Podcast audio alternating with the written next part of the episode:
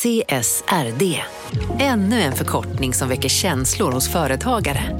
Men lugn, våra rådgivare här på PWC har koll på det som din verksamhet berörs av. Från hållbarhetslösningar och nya regelverk till affärsutveckling och ansvarsfulla AI-strategier. Välkommen till PWC.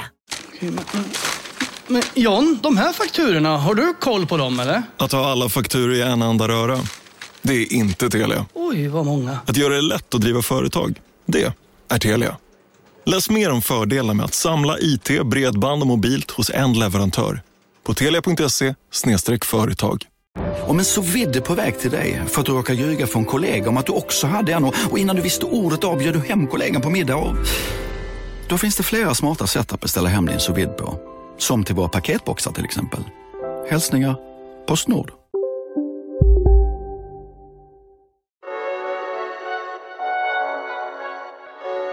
Från Monopol Media, det här är Kapitalet. Jag heter Gunnar Harjus. Och jag heter Åsa Secker. Åsa, jag vill inte vara en downer, men det är nu officiellt 100% höst. Jag älskar hösten, jag fyller på hösten. Grattis i förskott. Eh, jag vet att det här är typ det plattaste en människa kan säga, men jag kommer säga det ändå. Är det inte lite som en nystart ändå? Är det inte så, Åsa Secker, att hösten är det egentliga nyåret? Helt med på det. Nyåret, nyåret i januari är ju värdelöst för att det är mitt i vintern. På hösten kan man köpa nya pennor, anteckningsblock, planera hur man ska bli en bättre människa och så vidare. och så vidare, och så vidare. Älskar det. Mm, och det där sista är kanske lite det som vi ska hålla på med idag, det vill säga att bli en bättre människa.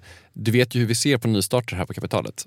Som ett nödvändigt ont? frågetecken. Som ett nödvändigt ont och en chans att äntligen få göra åtminstone ett avsnitt som kanske är lite mer vad ska man säga, konkret, lite mer så det kan hjälpa dig som person. Pratar du om självhjälpsavsnitt nu? Alltså, jag tycker självhjälp har lite så tråkig ton. Eh, det är lite så, tänk dig själv smart, Elaine Eksvärd, vibb på ordet självhjälp. Eh, försöker du säga att du hatar retorik? Eh, jag har pluggat tre terminer retorik, vilket är lika många som Elaine Eksvärd. Men inte många nog tyckte jag för att få kalla mig för retorikexpert. I alla fall, ett vanligt kapitalavsnitt kanske rör sig lite mer på den abstrakta ekonomins nivå det kanske handlar om någonting som pyramidspel. Det är en grej som vi kan prata om ibland. Vilket ju är lite konkret. Men så vidare du inte typ ska starta ett pyramidspel, och snälla starta inte ett pyramidspel, så kanske du inte har så mycket vad ska man säga, så här, praktisk nytta, faktisk användning av informationen i avsnittet. Jag tycker i och för sig att vi räddar folks sociala liv genom att ge dem olika kuriosa fakta slash historier som de kan dela med sig av. Men jag förstår vad du menar, man har inte praktisk användning av det. Nu är det ändring på det eller? I en vecka i alla fall är det ändring på det. Vi har gjort det här förut, i vintras, eh, efter nyår, det, det faktiska nyåret, eh, så träffade jag psykologen Oskar Henriksson. Badaren från tidigare avsnitt kommer aldrig vara känd för någonting annat. Nu har jag träffat honom igen. Ja. Eh, minnesgoda, trogna lyssnare minns ju att eh, Oskar Henriksson är psykolog. Och En gång så badade han varje dag i ett år och lärde sig. Och sen oss, och vi lärde er. Massa saker om hur vanor funkar och inte funkar. Precis. Eh, eftersom han är VD för Psykologifabriken eh, som då jobbar med organisationer så pratade han då om hur man kunde så applicera vanebildande på sitt företag slash organisation slash något annat. Jag har ju för övrigt tre stycken nya hälsosamma produktiva vanor efter det avsnittet. Jag med, minst. Och Oskar tänker ju massa på hur olika företag och organisationer är uppbyggda. Och han, det här är ju inte bara han, eh, har identifierat ett väldigt grundläggande problem med organisationer. Den stora utmaningen skulle vi säga är ju att överhuvudtaget samarbeta. Varför ska någon vilja samarbeta och inte bara köra sitt eget race? Eller vara en egoist i kort och gott. Liksom. Varför inte bara gör din egen pryl? Bara, varför ska jag bry mig om organisationen? Varför ska jag bry mig om samhället? Varför ska jag bry mig om planeten? Jag gör min grej. Eh, varför ska jag samarbeta? Eh, bra fråga, Oskar. Verkligen. För om man tänker på det så är det ju väldigt mycket i samhället, eller en organisation, eller en grupp, eller ett företag eller whatever som är uppbyggt kring individer. Man skulle kunna säga att vi lever i ett individsamhälle. Absolut. Alltså typ om jag gör bra ifrån mig på jobbet så kanske jag får högre lön eller blir befordrad eller något. Mm. Men om du är typ så beredd att gå över lik för att det ska framstå som att du gör ett bra jobb så är det ju inte säkert att det är så jättebra för ditt företag men det kanske kan vara bra för dig. Det där är kanske ännu mer överförbart typ på planeten. Alltså det är jätteskönt för en individ att bara slänga saker i naturen, spara jättemycket tid, slippa sortera eller whatever. Mm, men det skulle bli jätteskräpigt om alla höll på så. Det finns ett klassiskt sånt exempel på saker som typ är jättegynnsamt för en individ men jättedåligt för gruppen. Fisk. Enskilda fiskare kan ju ha incitament att fiska eh, fisk för egen del. Så. Eh, men då fiskar man slut hela fiskebeståndet och så skiter det sig för nästa generation. Om alla fiskar så mycket de kan, för egen vinning alltså, så är det jättebra för individen men för gruppen är det jättedåligt för att du tar all fisk och till slut så tar all fisk slut. Ouch. Det här hände i Kanada 1993. Torskbeståndet kollapsade. Alltså det var liksom att man fick en procent av tidigare års fångster 93. Bara helt plötsligt, puff. Eh, med andra ord ett eh, jätteallvarligt problem. Verkligen. Och det här är liksom ett sånt helt olösligt problem som har så här plågat mänskligheten sen typ dag ett. Så här, jägar och samlarsamhället. Om jag äter allt kött själv så dör gruppen men jag kan fortsätta leva forever. Alltså hur ska man kunna samarbeta när man vinner på att vara självisk? Filosofer, humanekologer, ekonomer, psykologer har klurat på det här hur länge som helst och i princip bara så här, vet du vad, det här går inte att lösa. Det är en tragedi, ett olösligt problem. Trist. Vi löser problemet efter det här.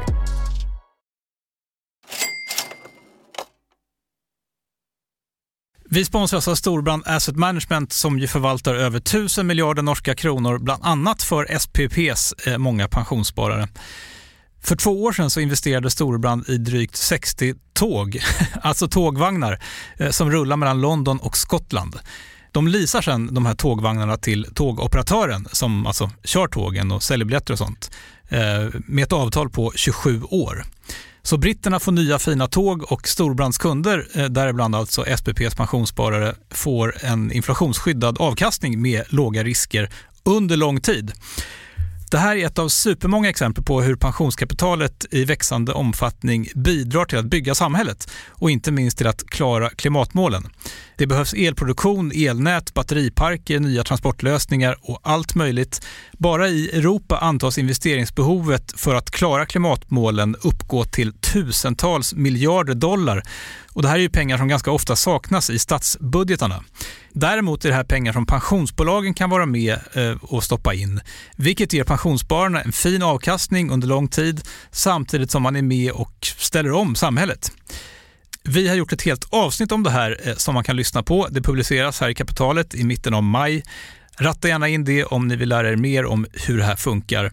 Men tack säger vi till Storbrand Asset Management som ju investerar i alla tänkbara tillgångslag, bland annat för pensionsbolaget SPP. Och tillsammans försöker ju vi, Storbrand och SPP, öka medvetenheten om hur pensionerna funkar och vilken roll pensionerna spelar i samhället och i ekonomin.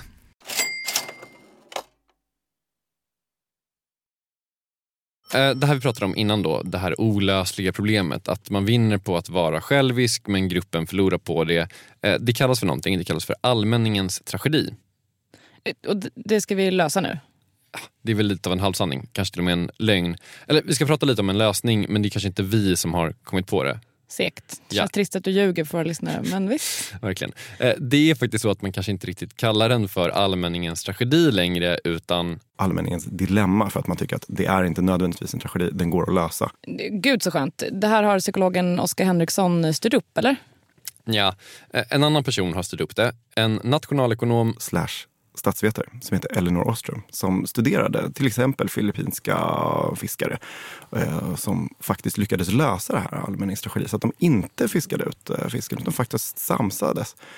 Och hon eh, hittade då att om man designar ett samarbete efter åtta principer, hon kallar det designprinciper, man designar det här samarbetet efter dem, då håller det. Och då finns fisken kvar till nästa generation och nästa generation och så vidare. Och det var så pass banbrytande, för det här löser ju då allmänningens tragedi som potentiellt skulle kunna lösa problemet med liksom mindre naturresurser som liksom vattendrag, eh, jordbruksbevattning. Vi har liksom alptoppars eh, skogstillgång. Alltså, du vet, liksom massa olika sådana exempel. Och sen så eh, lite mer visionärt, kanske hela planeten som resurs. Jag har ett ord. Wow. Wow. Wow. Okej, så hon studerade fiskare, överförde de principerna och bara okej, vi gör så här så kommer vi kunna lösa alla problem med alla jordens resurser. Exakt. Hur många principer var det sa du? Åtta. Det är så himla överkomligt. Vi kommer kunna liksom bara lösa alla problem i det här avsnittet. Jag vet. Eh, Och som du anar så är det dags för en gameshow jag kommit på. The Tragedy of the Commons Super Show.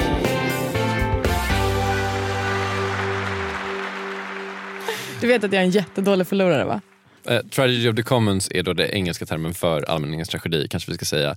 Är du redo? Jag har några grejer. Eh, Oskar Henriksson, eh, alltså, har han gjort något speciellt med det här? Alltså han är domare i den här gameshowen nu officiellt. Eh, eller jag kommer agera i hans ställe, men han har ju alla svaren. Eh, för det är så att han har tagit de här principerna och ska man säga, han liksom skräddarsytt dem, eller anpassat dem efter organisationer eller företag. Okej, så vi kommer inte prata om fisk, vi kommer prata om företag. Ja men typ. Och jag tänker att det är här som det här lite mer praktiska kommer in. Eh, Alltså det som lyssnarna kan tänkas typ ha faktisk användning för. Man kan överföra de här principerna på sitt företag eller studiegrupper eller vad ni sysslar med om dagarna. Eh, Bra, då tänker jag att de här principerna är lite flexibla. Alltså det är inte så här, gör exakt så här.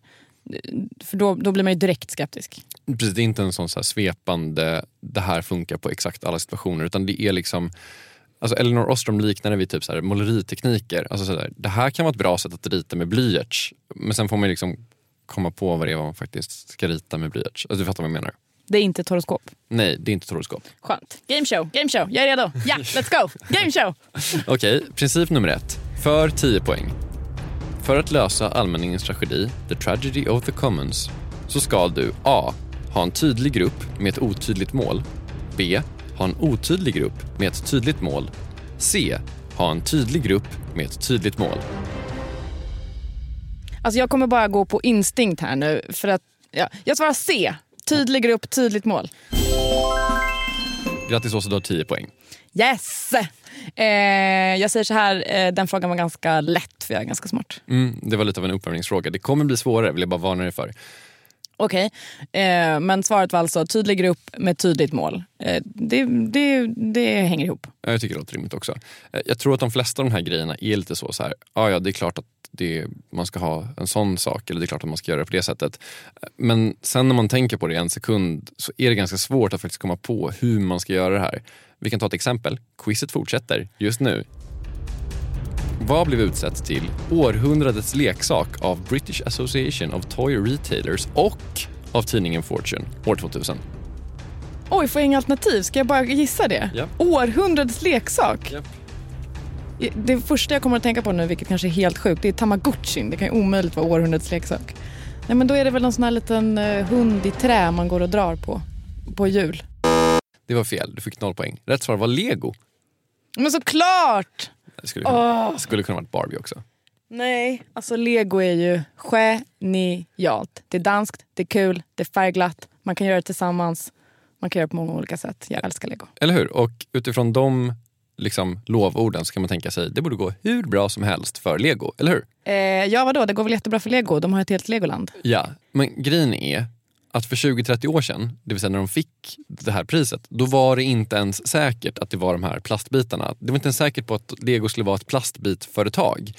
Det fanns nämligen olika sådana här SimCity-dataspel och Lego-gänget hade jättemånga idéer om vad Lego skulle kunna vara. Och då började man experimentera med actionfigurer och du vet vissa saker som verkligen vi inte associerar med eh, lego. Vi har en videokamera. Vi kan liksom, vi säljer en videokamera. Man bara, var, varför ska ni sälja en videokamera? Mm. Liksom. Och i den här vevan så var Lego nära att gå i konkurs. 2003 så hade de 800 miljoner dollar i skuld. Trots att det var århundradets leksak. Trots att alla älskar Lego. För att de bara höll på med massa konstiga grejer. De hade eh, saker som Snap, kommer du ihåg Snap? Inte jag heller. Primo, Skala kommer jag ihåg. Det var så här, eh, typ plast, såg ut som eh, typ Playmobil fast för tjejer. Nej, okej. Värst av allt var någonting som hette Galidor Technic som hade en optisk fiberkabel som kostade mer än hela produktionen av leksaken tillsammans. Det här kanske inte löser allmänningens tragedi för företag, men så här, allmänt tips skulle ju kunna vara, ha inte en produkt där en enskild komponent kostar mer än vad ni säljer produkten för. Det är en utmärkt idé. Eh, Men Lego hade liksom inte ett tydligt mål. De hade spridit ut produktionen över hela världen. Det var massa olika grupper som höll på med olika märkliga saker såsom Scala och Primo och Galilor Technic. Och sen tog en ny VD över. Åsa, säg det danskaste namnet du kan tänka dig. Jörgen Vi Knutstorp. Helt rätt. Han skapade ett supertydligt mål. Allt ska handla om klossen. För om du fokuserar på klossen så blir det roligare ju fler klossar du har. Ju mer lego du har, desto mer lego kommer du vilja ha. Det är typ beroendeframkallande på så sätt. Det kom Jörgen Wigknutstorp på. Och sen gjorde han sig av med de här konstiga grejerna, typ Snap och Primo. Och även Legoland gjorde han sig av med. Och sen började allting gå bra. Jag fattar. Tydliga mål. Utan det så är allt annat meningslöst. Typ. Det här går ganska bra. Du har 10 poäng hittills. Eh, princip 2, Åsa. Här, här får du ett antal ord av mig. Okej. Eh, Jag lyssnarna- flyttar lite på papperna här bara. Ja, här kommer ett antal ord som jag har skrivit ut då. Eh, Och så ligger de i fel ordning. Men i rätt ordning så blir de en designprincip. Orden är, Åsa, belöning, mellan, fördelning, insats, rättvis och 15 sekunder från och med nu. Va? Nej, hjälp. Eh, rä- rättvis fördelning, belöning. Va? Insats. Va? Rättvis fördelning mellan insats och belöning. Nej, det blir helt fel. Nej, men rättvis belöning mellan fördelning och insats. Jag har ingen aning. Nej, det Du blev... sa det i rätt ordning en Gjorde gång. Rättvis fördelning mellan insats och belöning. Har du några frågor på, på det här med rättvis fördelning mellan insats och belöning? Vad är insatsen? Vad är, vad är en insats i det här sammanhanget? Alltså, klassiskt så är det liksom arbetstid. Eh, men det kan också vara ansvar, typ vd-ansvar, läkaransvar, sådana saker. Alltså det man ska få belöning för. Exakt. Och belöningen är? Traditionellt så är det ju lön, men det kan också vara eh, befordringsmöjligheter, eh, arbetsuppgifter, eh, saker som du kan ha nytta av senare i karriären. Så, ah, men om jag får göra det här projektet, då kan jag göra karriär här. Då kan jag ju gå vidare. Så det är ju liksom, om vi tänker, liksom, vad är en organisationsfisk? Om vi liksom tänker så här, typ ett vattendrag man kan fiska ut. Ah, men då kanske det är, liksom, ah, men vem får det här spännande projektet? Eh, 10 000 kronors frågan. Hur bedömer man insatsen? Det är verkligen en jättesvår fråga. Här finns ju ett inneboende problem. Gameshowen fortsätter nu, Åsa Secker. Hur många procent av Sveriges bilförare tror att de är bättre än genomsnittet? Det är ju jättemånga. Alltså typ 90 procent. Jag tror också att Du får ett siffran... 10 procent spann här. Mm. Alltså du ska säga, sätta dig i de rätt 10 procent spann. Mhm. Eh, jag tror att det är 85 procent. Ah, det är, du hamnade 15% enheter fel. Eh, rätt svar är 70. I USA är det 80. Och det här är dåligt för företag. Varför då? Ja, men för att alla övervärderar sin insats jättemycket. För att liksom den man ser. Man ser inte vad alla andra håller på med. Men det finns faktiskt en ganska basic grej som motverkar det här. Eh, Tänk dig typ man sitter där, man är superstressad och då tänker man så här, jag förtjänar en högre lön. Men det gör man kanske inte. Så då finns det faktiskt studier på transparent lönesättning. Eh, där det visar sig att liksom gru- grupper med transparent lönesättning de verkar prestera bättre. Och teorin här är att om du inte har en transparent lönesättning då kommer alla tycka att de jobbar mer än genomsnittet och sen så att de är orättvist behandlade. För, eh, liksom, hallå, jag borde få mer lön här. Men är det transparent och du kan liksom prata om den här arbetsinsatsen leder till den här lönen och så vidare. Då är alla med, aha, är det det den gör? Aha, är det det som krävs för det? Okej, så ökar graden av rättvisa och då produktivitet. Vilket i förlängningen då leder till att man inte kommer köra sitt eget race så mycket. Vilket är bra om man till exempel vill motverka tragedy of the commons. Sen finns det såklart en miljon invändningar eh, man kan ha kring hur man mäter arbetsinsats och sådär. Är en sekreterares jobb verkligen enklare än en börsmäklares? Man lägger ner lika mycket tid kanske. Firman slutar funka utan sekreterare, whatever. Eh, Den typen av saker. Vi ska nog inte gå in på det nu, men transparent lönesättning är i alla fall en grej som kan funka. Okej, eh, nästa princip då. Okej Åsa. Vad är det jag säger här? Baklänges. Får jag bara höra en gång? Kan jag inte få höra en gång till? Tro inte att du kan så jävla mycket, Åsa. Din tönt. Det säger är nästa designprincip. Rättvist och inkluderande beslutsfattande. Det var nära ändå. Nära. Jättenära. Okej, rättvist och inkluderande beslutsfattande. Det här kopplar ju egentligen lite tillbaka till punkt ett som då var Nej, men jag, jag, jag har fel på hjärnan. Jag kommer inte ihåg. tydlig grupp med ett tydligt mål. Om man ska ha ett tydligt mål, hur vet man då vad målet är? Och hur ska man egentligen bestämma vad som är en rimlig insats och en rimlig belöning? Alltså vad som är rimligt helt enkelt? Jo, genom ett rättvist och inkluderande beslutsfattande. Och då kan vi ju antingen ha liksom en, en, om man säger, en grundargrupp som liksom har bestämt att men, det är grundargruppen som bestämmer. Eller så har vi liksom en större organisation som men, vd eh, bestämmer från de ramarna som styrelsen har satt upp eh, men ska ta, göra beslut med input från hela eh, organisationen. Så det måste ju inte, alltså en, en kritik kan ju vara så här, typ, oh, herregud, ska alla vara med och sätta mål? Det här är ju liksom supertradigt. Eller liksom, det här är ju extremt långsamt. Men då måste man skilja på ett inkluderande beslutsfattande och ett konsensusbeslutsfattande. Och du kan ju ha liksom ansvariga personer som säger, ja, men jag ansvarar för IT eller jag ansvarar för HR. Men ge all er input om den här omorganisationen före första juni, för då kommer den att gå igenom. Så du kan ju vara både inkluderande samtidigt som du har ett tydligt mandat. Okej, så i princip så måste man få till ett inkluderande beslutsfattande. Men, men hur man gör det är upp till en själv. Mm, det är det här med måleriteknikerna, alltså man måste sätta innehållet själv. Eh, Oskar har lite tips, eh, typ att man ska skriva ner sin input så att det inte blir så fläckat av allas eh, åsikter och sen så läser man upp allting och sen kan man typ rösta eller resonera sig fram eh, och sen får någon ta ett beslut. Det kan liksom vara ett sätt att, vad ska man säga, designa ett inkluderande beslutsfattande. Okej, coolt. Eh, jag är redo för nästa utmaning. Det ska du få. Eh, vi har nu en, det här är bara liksom en resoneringsfråga då helt enkelt. Oj. Vi har nu en tydlig grupp med ett tydligt mål som satts genom rättvis och inkluderande beslutsfattande och gruppen har rättvis fördelning mellan insats och belöning. Vad tror du bara rakt av är nästa grej? Vad saknas här? Vi måste mäta på något sätt. Nej, jag vet inte. Uppföljning. Vi måste följa upp, vi måste se till att Jaha. folk gör det. Jag var liksom fortfarande i görandet Ah, och när det är gjort så ska det följas upp. Jag, jag är ett stort fan av uppföljning i olika sammanhang. Eh, Den faktiska punkten heter uppföljning av överenskomna beteenden.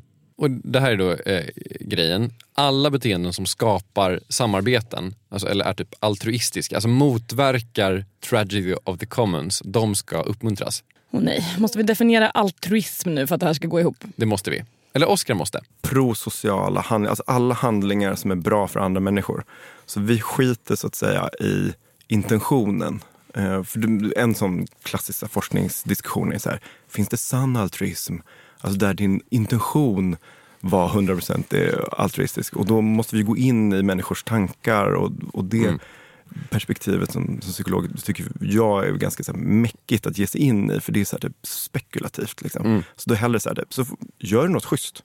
Då skulle jag säga att det är altruism. Man är liksom någon slags konsekvensetiker eh, här. Eh, det kan liksom vara plikt eller kultur eller vad som helst. Det handlar i princip bara om att uppmärksamma när folk gjort rätt. Eh, men det kan också vara att be om återkoppling. Eh, man ska också se till att maxa den positiva eh, feedbacken. Klassisk hamburgare. En positiv, en negativ, en positiv feedback. Nej, jag slår nu hål på hamburgaren. Va? Jag älskar hamburgaren. Vi kanske kan omformulera den som en Big Mac eller någonting. För det ska nämligen vara tre gånger så många positiva som negativa eh, återkopplingskommentarer. Eller vad man ska säga. Vi har nu kommit halvvägs eh, genom eh, den här listan. Bara fyra principer kvar som ska lösa all världens problem. De fyra principerna efter det här.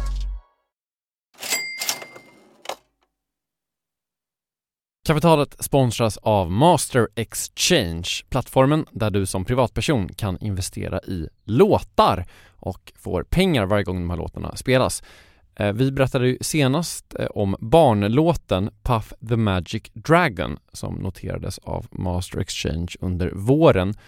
Nu har utdelningen på den låten kommit, eller royaltyn som vi säger i musikbranschen. Eh, den ligger på drygt 12% i årstakt och det här är ju en avkastning som är helt okorrelerad till börsen. Till och med Goldman Sachs har börjat skriva om just musik som investering just ur det här perspektivet. Nu finns en möjlighet att investera i en ny låt. Eh, Låten heter Boss Bitch och den är av Doja Cat eh, som, eh, alltså jag ska inte säga att jag är superdeep här men eh, det är ändå en, en person som jag vet om det är. En, en världskändis. Den här låten gav baserad på förra årets spelningar en avkastning på drygt 13 procent. Master Exchange har just nu en väntelista på registreringar. Det, det går lite för bra för dem kan man säga. Men skriver ni in kapitalet som promo code så kan ni runda kön och ansöka om andelar i låten Boss Bitch ändå.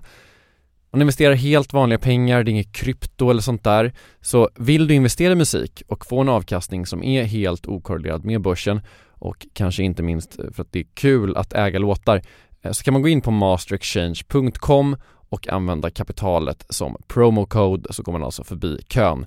Kom ihåg dock att alla investeringar är förenade med risk men vi säger stort, stort tack till Master Exchange.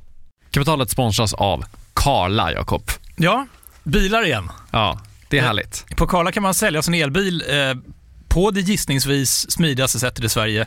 Eh, Karla har ju ett nästan ett komiskt högt användarbetyg på Trustpilot. Mm. 4,8 av 5, vilket jag typ aldrig hört talas om. Nej, det är väldigt, väldigt högt. Eh, man knappar in lite info om bilen på sidan, sen får man en gratis värdering och ett bud. Accepterar du budet kommer Karla och hämtar upp bilen gratis och sätter in pengarna innan de kör iväg. Inget mer än så. Rätt fantastiskt. Nej, det är faktiskt ja. helt otroligt. Och eh, det kan bli ännu mer eh, otroligt än så. För att vi har nämligen en rabattkod som ger dig 2000 kronor extra för bilen. Så om du säljer din bil så får du två lax extra. Stämmer. Bara sådär.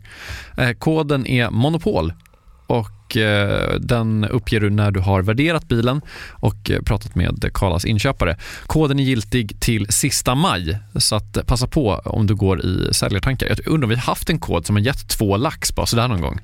Nej. Det är helt otroligt. Man behöver en bil förvisso. Absolut, så det är inte, kanske inte bara sådär, men det är ändå 2000 kronor extra. Väldigt bra. Ja. Så sälj din elbil eller laddhybrid till Karla. Du får 2000 kronor extra med rabattkoden Monopol. Eh, hoppa in och kolla på karla.se, Karla C. Där kan man också köpa bilar ska jag tillägga. Verkligen. Vi säger stort tack till Karla. Tragedy of the Commons, även känt som allmänningens tragedi som nu är ett dilemma. Vi är halvvägs på väg att eh, lösa det här. Mm, vi gör en stor insats för mänskligheten kan man säga. Jag har dessutom ett antal poäng. Hur många poäng har jag Gunnar? Det är inte min uppgift att reda på dina poäng. Jag. jag tror att du har 10 poäng. Är det sant? Men det är bra gjort. Vi är nu framme vid princip 5. Eh, och du ska nu få gissa på vad det är för någonting. Och det här är liksom en ordassociationslek kan man säga. Det här känner jag kommer gå bra för mig. Ja, frågeställare, Lasse Granqvist. Vad är ordet? Jag älskar Lasse Granqvist mer än livet själv. Åh oh, jösses! Ja men se där ja!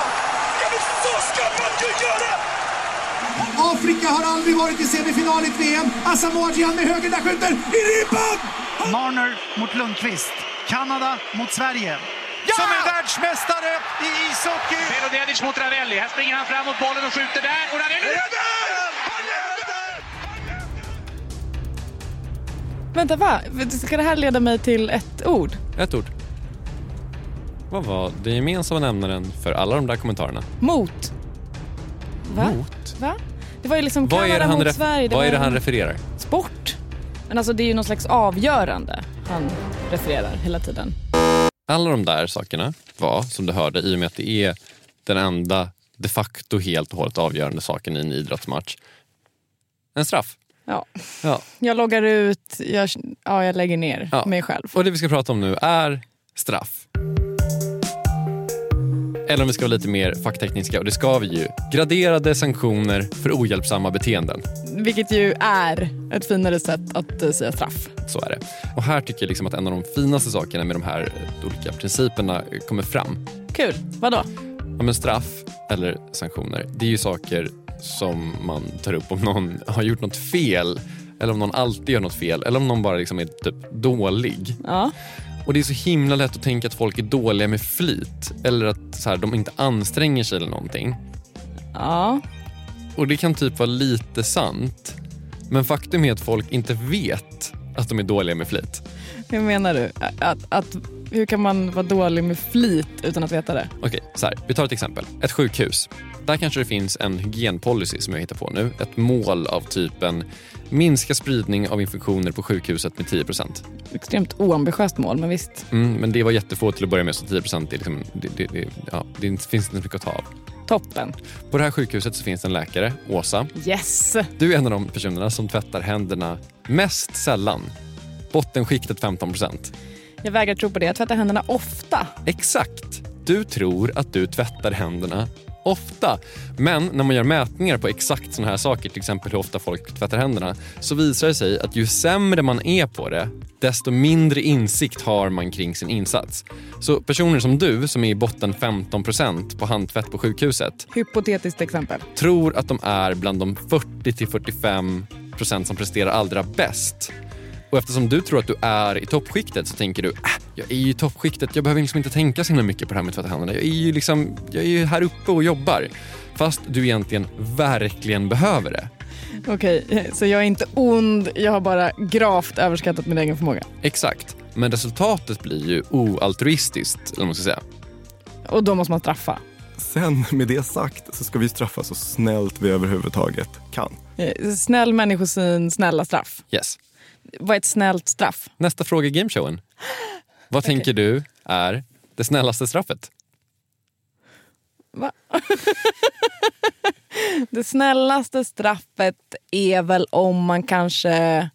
Bara att man får en liten tillsägelse och sen är det bra med det. Rätt! Är det sant? Ja! Yes! Äntligen! Men det första kanske är så bara, men du, det där var inte snällt sagt. Det är ett väldigt snällt straff. Det är verkligen ett snällt straff. En annan grej man kan göra eh, om man vill ha liksom ett snällt straff, det är att man kan tänka på hela den grejen med att folk som är dåliga inte vet att de är dåliga och därför uppmuntra folk att prata om hur dåliga de är. Det låter inte alls snällt. Men det kan vara ganska snällt. Och då kan ju ett snällt straff kan ju vara så här typ, Hörrni, är det någon som har märkt att eh, det var svårt att följa de här rutinerna för att ge ut medicin? Så bara, ah, men jag märkte det, jag eh, gjorde något fel här i, igår. Ah, vad bra att du berättar om det. Kan du berätta lite om så stegen som gjorde att det blev fel här så att vi kan göra någonting åt det? Psykolognördigt så är det ett straff för att vi, liksom, vi påtalar ett problematiskt beteende. Bara, Du följde inte vår checklista här. Men vi gör det på ett så trevligt sätt att vi kan hantera det väldigt, väldigt tidigt. Och ju tidigare man kan hantera saker desto bättre, det säger sig självt. Eh, sen måste man ju liksom trappa upp straffen om allt bara fortsätter utan att någon reagerar. Alltså, till slut så lyfter man ju någonting till HR eller någonting. Alltså, du vet. Alltså till slut så får man inte skorpor till fredagsfika. Antar det. Eh, och gör du det här bra eh, så behöver du inte princip 6, det här var princip 5. Och gör du det här med straffen bra och så säkert det här kommer nästa fråga så behöver du inte princip 6. Det är den ledtråd du får av mig. Kan du straffa på rätt sätt så behöver du inte nästa princip. Vad kan då nästa princip handla om? Du behöver inte utesluta någon i gruppen, du behöver inte ge någon sparken. Ja men typ, det är ju lite halvt. Du får fyra poäng för det. Nä- Fem kan jag väl få i alla fall. Nej, det är fyra. Snabb och rättvis konflikthantering. Konflikthantering är liksom lite vad det är. Eh, Det är inte så kul, men det kan vara nödvändigt om man missat det där med straffen. Egentligen om du har missat vad som helst. På ett sätt så bygger de ju lite på varandra. För låt säga att du har otydliga mål, otydlig grupp. Du har en um, orättvis balans mellan arbetsinsatsen och, och belöningen. Redan där kan man ju märka att folk blir liksom griniga, blir mer egoister, kör sitt eget race. De har dessutom inte fått vara med och tycka till om hur den här rollen såg ut eller det här målet uh, såg ut. De är inte uppmuntrade med eh, positiv feedback eller eh, någon form av uppföljning när de gör rätt saker. Så man känner sig lite så här, eh, fritt hängande. Så man börjar göra andra saker. Men nu gör jag det som gynnar mig. Jag kör mitt eget mål, min egen roll, mina egna beteenden. Jag skiter i vilket. Och då hamnar vi i behovet av att straffa saker. Och om vi inte lyckas fånga det då, vi märker inte det ens, då kommer vi ha konflikter. Och då går vi in och tar dem. Alltså jag tycker ändå att det låter lite som att det fortfarande är väldigt snällt. Alltså det är fortfarande jättemycket så här, ja, om vi som organisation har gjort fel sex gånger så kommer det såklart uppstå konflikter. Precis, det är liksom inte individens fel riktigt. Eh, Det är ingen som varit ond förhoppningsvis, utan man måste liksom se till situationen. Eller som Oskar uttrycker det. Att det som ser ut att vara ett problem med en person är ofta ett problem med en situation. Man kan ju tänka så här, åh Gunnar han är alltid sån här. Liksom. Och sen så glömmer vi bort att kolla på, men vänta, är det så att i den här konflikten så var det så att men Gunnar hade ju ett annat mål, eller liksom hans roll var ju otydlig, eller han fick inte vara med och fatta det här beslutet, så det blev ju konstigt för honom. Eller liksom, vi har ju inte följt upp när saker och ting har funkat. Då hamnar vi i konfliktsituationer som då, för att de ofta är mellan personer, ser ut att vara konflikter mellan personer. Men vi, vi ser inte strukturerna runt omkring dem, som, som liksom hur det här har designats. Vi har egentligen designat fram en konflikt på olika sätt och vis. Är det dags för eh, nästa? Nej. Va? För att nu är vi för kapitalets räkning klara. Du sa att det var åtta principer. Jag sa att det var åtta principer och det här är lite av ledtråd till nästa fråga. vad finns det som är utmärkande hos kapitalet, hos monopolmedia, som skulle kunna göra att de två designprinciper som är kvar, som man kan använda för att undvika allmänningens tragedi, kanske inte är så relevanta för oss? Vi är för få. Yes! Älskar när jag har rätt. Där får jag 10 poäng. Ja. Kanske till och med extra poäng för att jag var så snabb. Eh, vi får se när vi räknar ihop. Vi lämnar över till domaren. Eh, de två sista principerna som du är inne på gäller större grupper. Ändå oschysst att våra lyssnare inte ska få reda på de här sista två bara för att de inte gäller oss för att vi är typ fyra personer som jobbar här. Ja, det kanske är sant. Så vi tar dem ändå. då. Sju och åtta handlar om större grupper, eh, kanske större företag än vi eller om man ska dra till sin spets, typ FN eller någonting. Den första handlar om självbestämmande. Varje grupp, tänk typ en projektgrupp eller ett team som man alltid säger nu för tiden, eller ett land i FN eh, måste ha viss rätt till självbestämmande. Eh, Det är egentligen inte så svårt. Man kan inte gå in och detaljstyra saker uppifrån för mycket. Eh, Säg att vi skulle ha ett poddimperium med typ 20 poddar. Du är chef för det. Älskar denna tanke. Eh, Då kanske det fortfarande är så att jag nog vet bäst vad som funkar för just kapitalet. Du jobbar ju inte med kapitalet, du är chef för det här poddimperiet. Mm, jättetråkigt om jag inte får jobba med kapitalet längre. Men eh, det låter rimligt. Hur vet jag att du jobbar mot vårt eh, gemensamma mål, alltså att köpa Spotify? Att köpa Spotify. Eh, Det vet du för att du har verkligen sett till att punkt 8 är på plats. Med den ledtråden Åsa, vad är punkt 8? Nej, men den första principen var ju tydlig grupp, tydligt mål. Så det är ju hela liksom, utgångspunkten för hela projektet. Mm. Vi har uppfyllt princip ett. Ja, lite så. Jag tyckte du var lite inne på det så du kanske får fyra poäng till. Eh, koordinering mellan grupper. Bra kommunikation. Mm. Jag dör för bra kommunikation. Japp. Så för att liksom, du inte ska springa iväg, att liksom massa olika grupper körs. För d- där blir det också att en grupp kan ju bli en egoistisk grupp. På samma sätt som en enskild individ kan vara en egoist så kan en grupp bli en egoistisk grupp. Så kan ett land vara ett egoistiskt land. I, i- så liksom, egoismen blir liksom ett val på varje, på varje nivå uppåt. Och då är princip 8, det är som en metaprincip. Och då tar vi liksom alla principer en gång till men applicerar dem på grupperna istället för individerna i grupperna. Så för att förklara det så kan man tänka att om du först har en grupp så måste du ha ett tydligt mål i den gruppen. Om du har två grupper, hur enar du två grupper? Man har ett gemensamt mål, alltså att köpa Spotify. Exakt, ja precis. Eh, och samma sak då med rättvis balans mellan insats och belöning, ett rättvist inkluderande beslutsfattande, uppföljning av överenskomna beteenden. Mellan grupperna. Ja, exakt. Så då liksom lägger man de här som en, som en metaprincip och då tänker ju Elinor Ostrom också att då kan man ju skala upp samarbetet större och större. Hon tänker lite som så fraktaler, alltså så här snöflingor som liksom tre piggar. Och så varje pigg blir tre piggar och så blir det liksom, vecklar ut sig större och större. Och det här hon blir så härligt visionär som jag verkligen kan gå igång på. För då kan vi tänka att ett team blir flera team, blir enheter, blir avdelningar, blir liksom en myndighet eller ett regionkontor, blir liksom ett helt bolag eller ett helt samhälle som sen kan samordna sig med andra länder och sen så kan vi få till ett FN som har en klimatpanel och, når, och så når vi ett eh, två graders, ett och ett halvt graders eh, mål. Så. Eh, om vi bara kan få alla världens medborgare att lyssna eh, på det här avsnittet så kommer vi ju lösa alla problem som vi någonsin har ställts inför. Ja, jag ser att det inte är så illa för ett poddavsnitt. Bra jobbat Åsa. Hur tror du att det gick för dig? Tror du att du vann? Alltså jag känner ju hur du sätter dit mig nu för jag kommer säga att jag tror att jag vann och så handlar det om att jag övervärderar min egen förmåga. Alltså nej det kommer jag inte göra. Det gick jättedåligt. Jag förlorade, jag tog nästan inga poäng alls. Jag är inte en sån som går omkring och övervärderar min egen förmåga. För en gångs skull så stämmer inte den här principen. För du vann nämligen, visserligen som enda tävlande, men du vann ändå gameshowen The Tragedy of the Commons Super Show. Bra jobbat och med det är kapitalet slut. Oskar Henriksson han har skrivit en bok om det här. Den heter Ensam eller stark och finns på olika platser där man kan hitta böcker. Han har också skrivit massa andra böcker. De kan man också läsa. Jag heter Gunnar Harjus, du heter Åsa Secker. Vi har gjort det här avsnittet. Eh, Jakob Bursell heter vår chef och Kristoffer Krook har slutmixat det här avsnittet. På Instagram heter vi Kapitalet. Det kan man nästan tänka sig. På Twitter heter vi Kapitalet Radio. Det är lite svårare att tänka sig, men där kan man också gå in och kolla. Vi är tillbaka nästa vecka med ett nytt avsnitt som inte kommer vara en gameshow. Tråkigt tycker vissa. Hej då!